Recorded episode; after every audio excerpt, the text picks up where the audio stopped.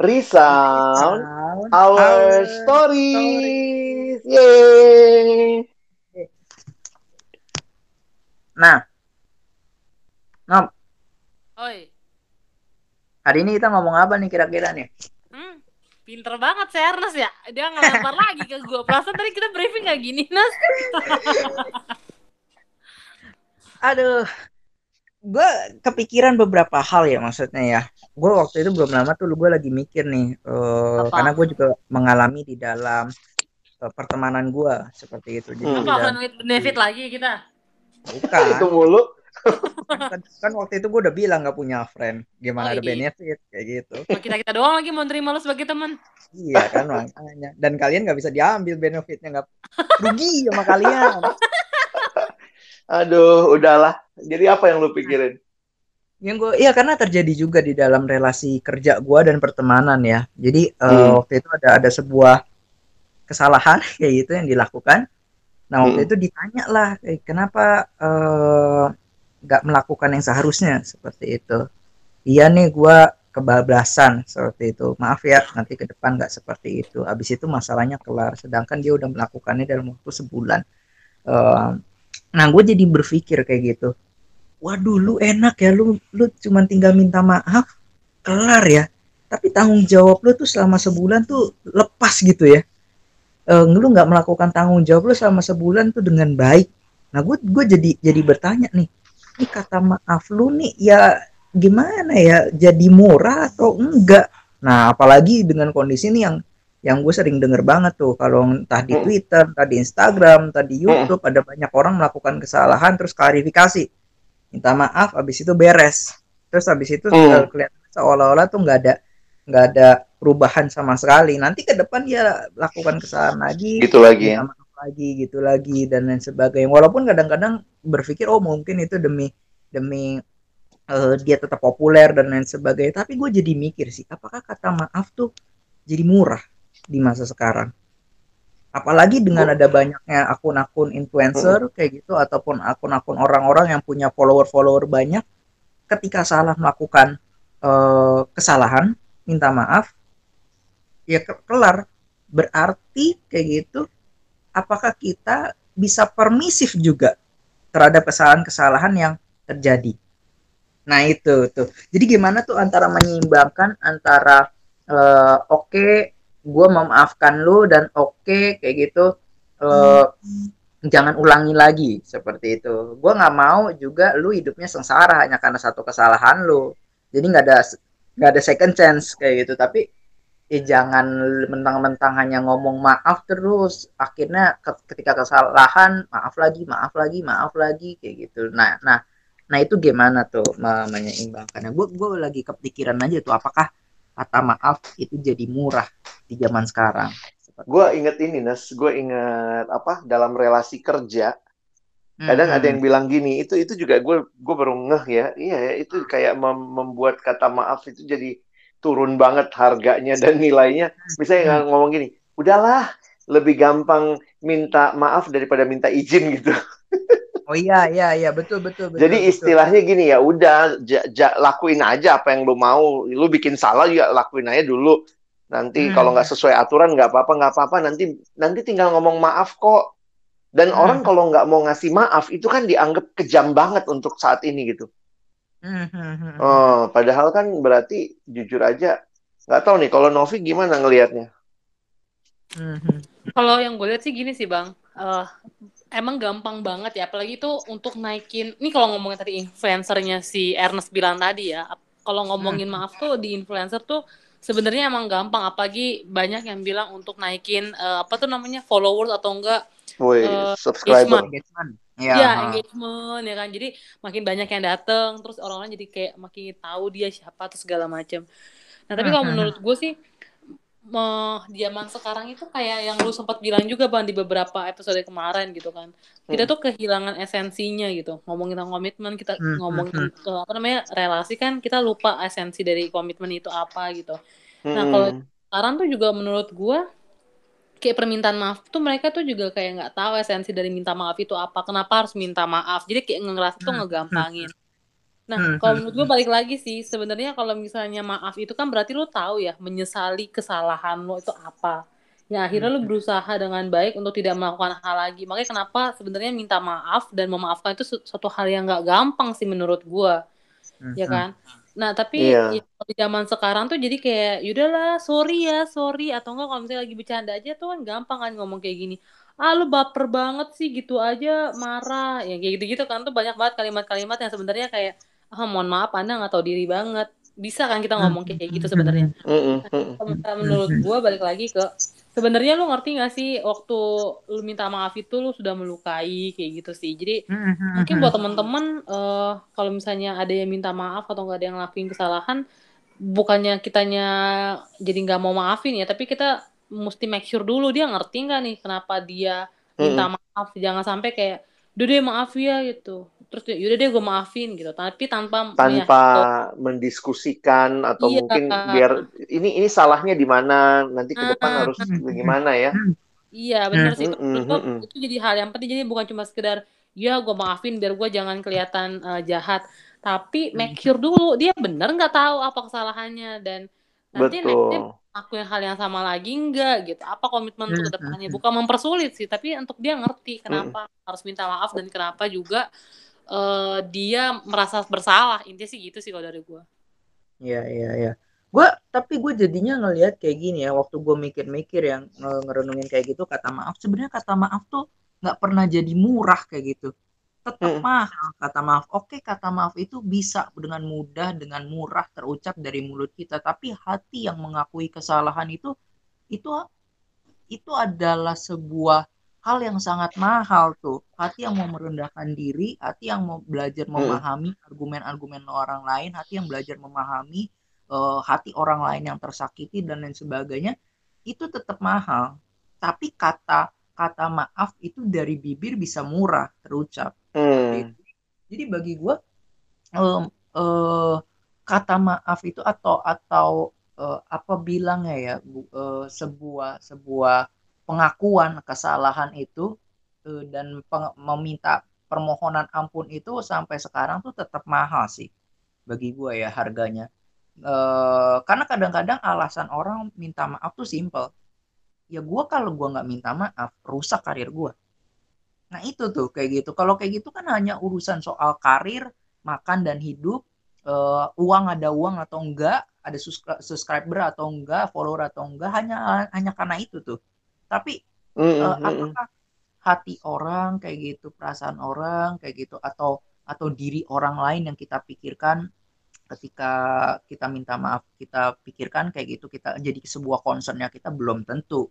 Nah itu tuh. Jadi jadi eh gue justru gue berharapnya orang minta maaf betul kayak gitu minta maaf tapi yang seperti tadi Novi bilang lu sadari kesalahan lu di mana berusaha untuk eh, dengan menyesal juga kayak gitu ada penyesalannya dan berusaha untuk eh, ber- untuk tidak mengulanginya lagi seperti itu. Gue gue kalau misalnya kayak kayak temen gue kayak gitu ya.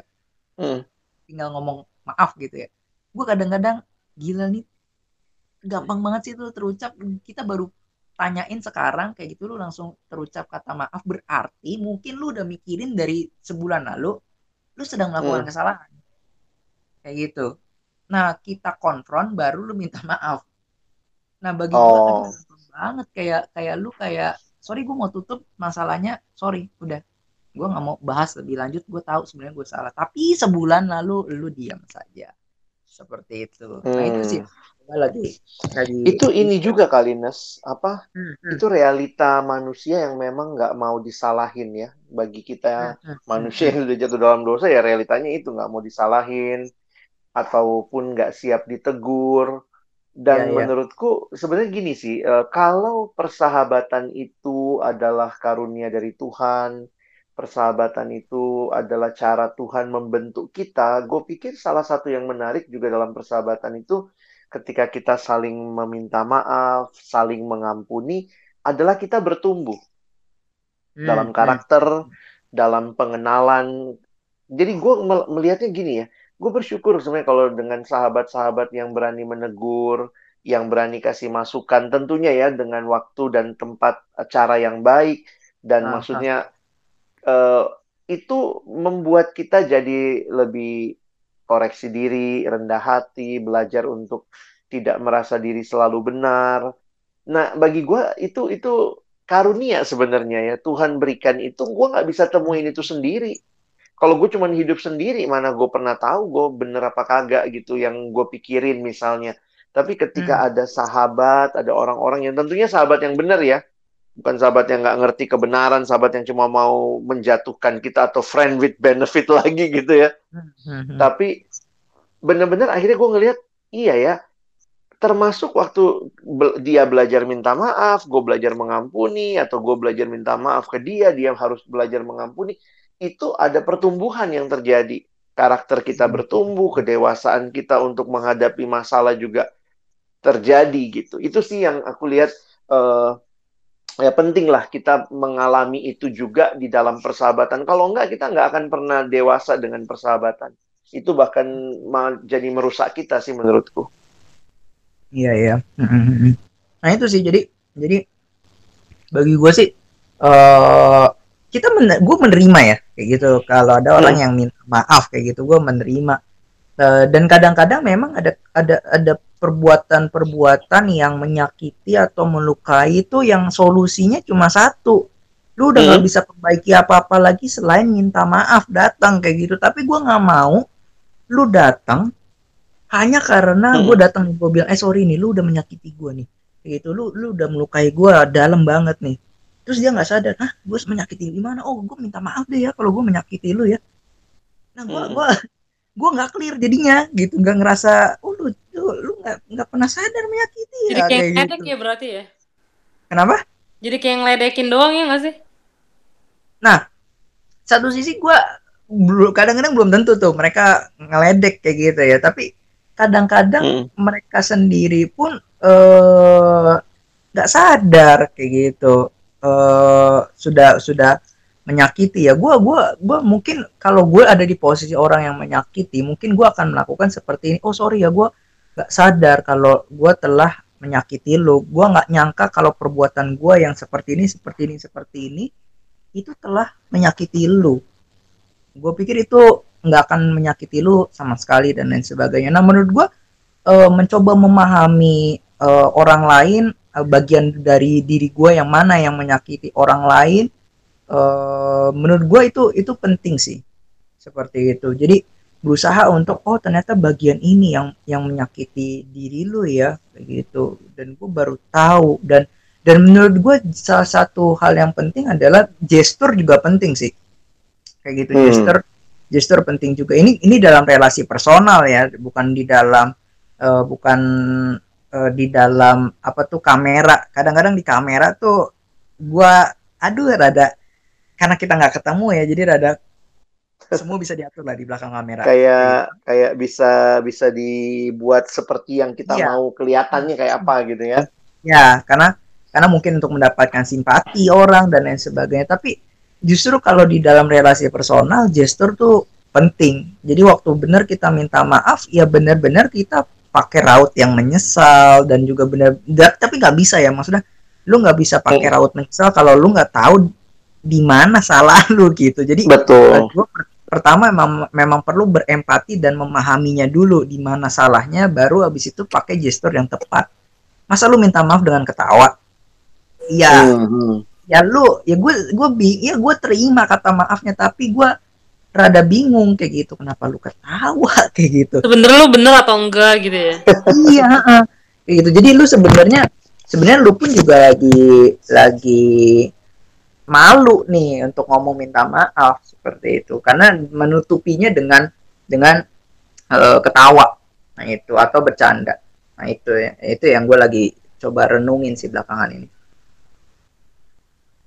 Mungkin Gimana ini tuh, penting untuk ini ya, penting untuk kita sebagai orang-orang yang yang bersahabat gitu ya, eh meng- memiliki apa ya standar yang benar menurut gua ya, supaya ta- dia tahu dia salah.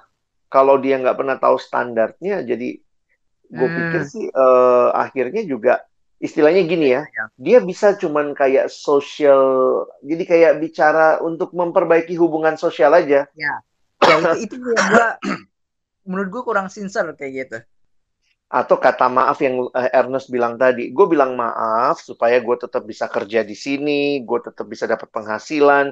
Jadi sebenarnya maafnya itu bukan untuk gue belajar sesuatu. Prinsip gue tetap sama. Gue setuju misalnya Hmm. bolos itu nggak apa-apa. Prinsip gue bolos itu nggak apa-apa. Santai aja. Nanti kalau bos nanya, ya udah bilang maaf aja. Ya kan bos mau denger maaf. Kalau dia mau denger maaf, bilang aja maaf. Habis maaf kan lu tetap bisa kerja di sini. Tapi dengan prinsip tetap bolos, tetap nggak maksimal Hmm. kerjanya.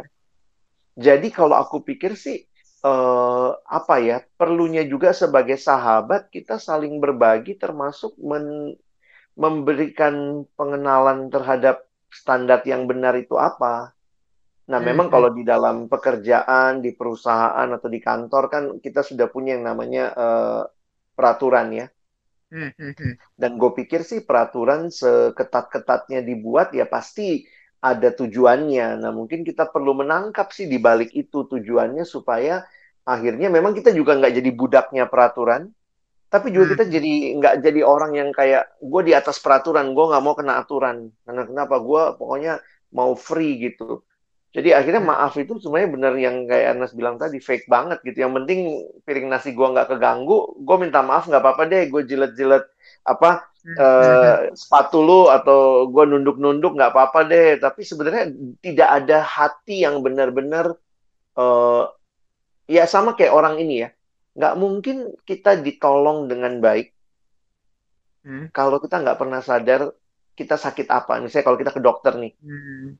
kita nggak Iya, pernah ngakuin bahwa yang sakit itu bagian sini gitu. Kita terus aja bohong gitu-gitu ya nggak pernah akan bisa pengobatan yang baik gitu. Jadi aku ngelihat sih ya orang-orang yang seperti itu ya nggak akan berubah, nggak akan bertumbuh, nggak ya akan stay seperti itu aja gitu sih. Tapi ada hal yang menarik nih, mungkin nih Hmm. terakhir kayak gitu ya. Gue Hmm. inget nih. Jadi eh, waktu itu Bang Alex tuh pernah tuh. Jadi belum lama ini dia minta maaf secara Mm-mm. personal ke beberapa orang. Dan waktu itu tuh eh, kejadiannya Bang Alex eh, mengutarakan pendapatnya. Nah, gue penasaran sebenarnya sama lu Bang. Kenapa lu melakukan hal itu dan lu lakukan personal ke banyak orang?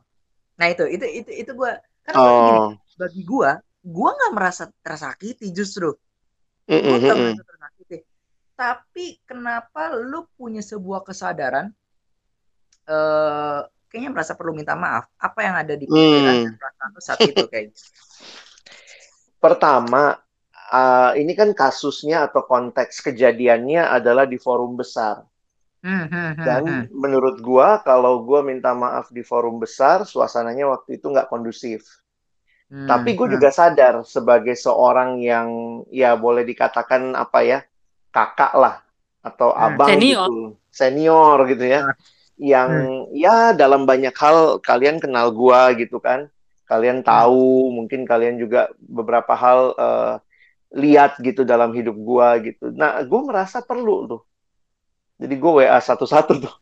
Gue merasa perlu untuk memberitahukan eh, sebenarnya apa konteks yang gua rasakan dan gua alami, kenapa sampai gua bereaksi seperti itu. Dan gua merasa eh, apa pun pembelaan gua di balik itu, tidak semua orang akan mengerti. Sehingga sebenarnya gue jadi berpikir, gue bukan minta maaf dalam arti apa ya, eh, dalam arti yang penting gue udah minta maaf sama semua orang, ya biar Hmm. tenang semuanya. Tapi hmm, gue hmm, bener-bener merasa eh, ya ini kalau dalam sisi rohani ya gue bilang Tuhan gue nggak mau sampai jadi batu sandungan jadi hmm, hmm. paling tidak lah paling tidak teman-teman yang yang mendengar melihat walaupun tidak tidak merasa tersakiti pun gue harus sadar bahwa eh, ya gue mengakui lah kemarahan gue waktu itu membuat gue bereaksi sangat spontan dan Hmm, hmm. itu itu membuat gue juga sadar gitu ya Be- beberapa hal akhirnya sadar ya spontanitas gue pas pas terjadi ternyata eh, untuk beberapa orang mungkin itu tidak masalah Hmm, tetapi gue juga nggak bisa nggak bisa bilang untuk orang yang lain masalah jadi ketimbang gue Hmm. merasa ini ya gue gue merasa lebih baik gue minta maaf aja gitu sih Tapi ya Hmm. itu itu keluar dari hati karena gue sadar betul ya kemarahan itu juga eh, ya bisa jadi bumerang sih yang akhirnya membuat gue sendiri jadi merasa diri lebih baik dari orang lain. Nah itu yang gue nggak, gue takut banget Hmm.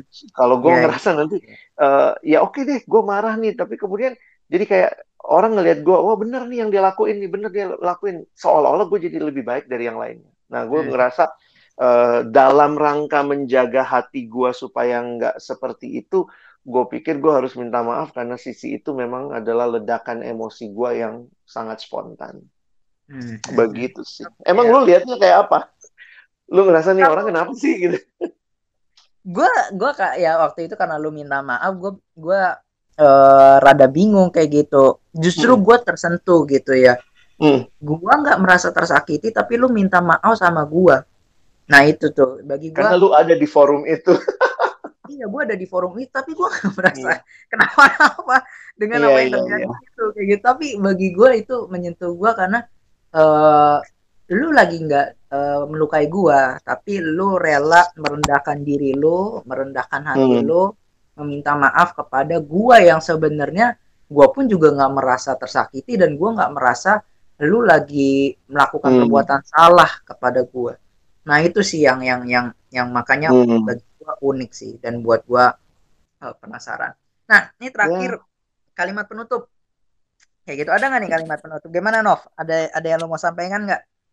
Kalau gue minta maaf Ya. tuh jangan sampai cuma sekedar lip service sih, tapi lu tahu kenapa lu minta maaf dan ketika lu minta maaf kan berarti tahu dong kalau lu salah dan jangan ngelakuin hal yang sama lagi karena menurut gue bukan masalah orang gampang maafin atau enggak sih, tapi Hmm. terkadang orang tuh nggak bisa maafin gara-gara ngelihat ah lu sama aja kok gitu-gitu terus gitu. Itu sih menurut Hmm. gue. nggak berubah ya nggak ada perubahan. Betul. Kalau Bang Alex gimana nih Bang? Kalau gue sih eh, menyimpulkannya, gue berharap persahabatan itu memberikan pertumbuhan, membentuk karakter, sehingga gue pikir eh, minta maaf jadi bagian di mana sebenarnya gue jadi dibentuk, gue jadi Hmm. sadar apa yang kurang, apa yang harus dibentuk dalam diri gue. Memang jujur aja lebih kepada pembentukan bagiku. Tapi kemudian juga ternyata di dalam anugerah Tuhan tentunya persahabatan itu juga ya saling membentuk lah kita membentuk orang lain tapi kalau gue jadi selalu berpikir eh, kenapa ya persahabatan ini mendewasakannya justru ke guanya gitu nah itu bagi Hmm. gue yang sangat berkesan sih bahwa eh, meminta maaf itu salah satu cara untuk gue bertumbuh dewasa kira-kira begitu Mhm. Oke, kalau gua gua mikir kayak gini, eh perendahan diri itu atau merendahkan diri itu mendahului permintaan maaf. Menurut gue itu itu yang yang tepat. Jadi eh, berharap kita sama-sama nih sahabat-sahabat eh, friend sound semua. Jadi kalau teman-teman mau follow kita di mana bisa follow kita Nov di IG kita di mana Nov? Friendsound.id. Thank you Ernest. tadi dan juga bisa dengar di Spotify Spotify kita seperti itu kita ber- bersama-sama lah berharap kita nggak nggak nggak bukan manusia sempurna eh, masih Mm-mm. bisa melakukan kesalahan tapi berharap kita benar-benar sadar akan kesalahan kita dan meminta maaf dengan tulus bukan karena demi keuntungan-keuntungan tertentu eh, kita minta maaf tapi benar-benar kita merendahkan diri kita, mengakui diri kita dan juga sadar bahwa diri kita itu lemah seperti itu. Kita akan ketemu lagi di minggu depan kayak gitu di Friendzone minggu depan dengan se- tema yang men- yang menarik juga. Ya setidaknya buat kita menarik sih. Kayak gitu. Makanya kita bahas. makanya kita bahas iya iya iya Oke, sa- salam salam kasih kali ya, salam saling memaafkan kayak gitu. Salam salam apa ya? Salam ya itulah ya saling memaafkan. Salam cantik, cantik, cantik. Salam cantik ya Eh mana tahu mana tahu Nes abis abis denger ini ada yang langsung mau minta maaf sama sahabatnya Ja- jangan tahan-tahan ya lakukan ya Iya, heeh, boleh boleh. Atau ada banyak orang yang datang ke gue, lu kenapa nggak minta maaf sama gue? Ernest iya, iya, iya. kayaknya soalnya. Iya.